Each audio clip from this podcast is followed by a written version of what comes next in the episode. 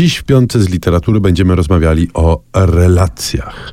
Relacje pomiędzy mężczyzną a kobietą, relacje pomiędzy bliskimi sobie e, ludźmi to temat wiosenny bardzo, a wywołany kilka tygodni wcześniej przez Sali Rooney i jej normalnych ludzi. Przygotowaliśmy pięć książek, które o relacjach międzyludzkich mówią w sposób ciekawy, inny i zobowiązujący. No ja akurat zacznę od książki zupełnie nie nowej, nawet bardzo starej, bo już 150 lat jej stuknęło e, równo niemalże. Gustave Flaubert, francuski klasyk, jego Szkoła Uczuć, na nowo, niedawno, parę lat temu przetłumaczona przez Richarda Engelkinga, więc warto sięgnąć, bo te nowe przykłady jednak mają zupełnie inną siłę niż te dawniejsze.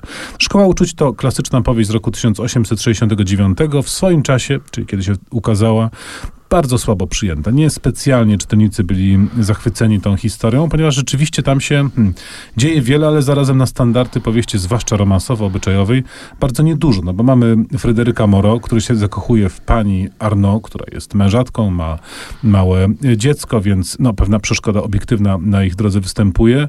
I cóż się dzieje z tą miłością? No, różne rzeczy się dzieją, ale w sumie tak naprawdę nic z tego nie wychodzi. On jest zakochany, ona chyba trochę też, ale nie odważa się na krok.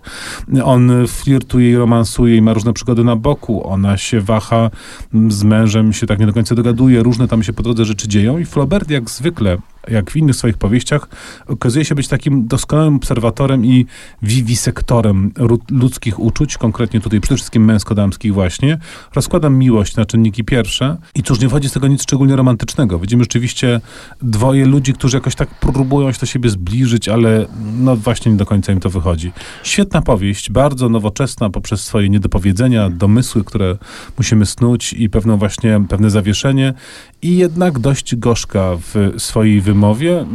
Myślę, że można ją potraktować jako mm, ostrzeżenie, że w sumie jednak jeśli się już unosić romantycznie, to nie na modę flobertowską, tylko idźmy w stronę śmielszych wahnięć emocji. Flaubert, który był specjalistą od wiwisekcji ludzkich e, uczuć, rzeczywiście oszczędnie budował fabułę w szkole uczuć. Inaczej jest z bardzo współczesną, dopiero co przetłumaczoną na polski książką Marka Szindelki Mapa Anny. Tu się dzieje bardzo, bardzo dużo. I tytułowa Anna jest tylko jedną z wielu osób zachodzących w relacje. Te relacje się pojawiają zresztą na pierwszym, drugim i trzecim planie. Od e, właśnie Anny po dwie właściwie bezimienne i anonimowe anarchistki, które się przez e, książkę e, przeplatają, które same są w relacjach między sobą i w relacjach ze światem.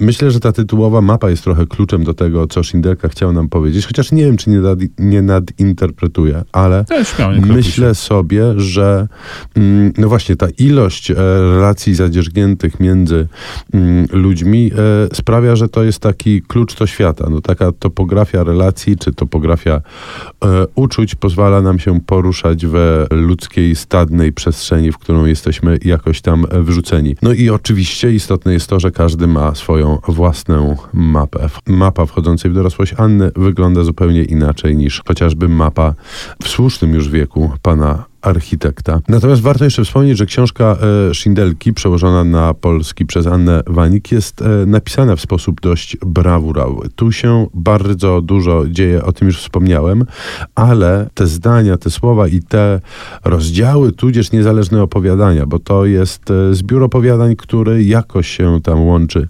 pędzą po prostu w rytmie roztańczonego wiosną serca. Ha, ha. Tak, tak się poniosło.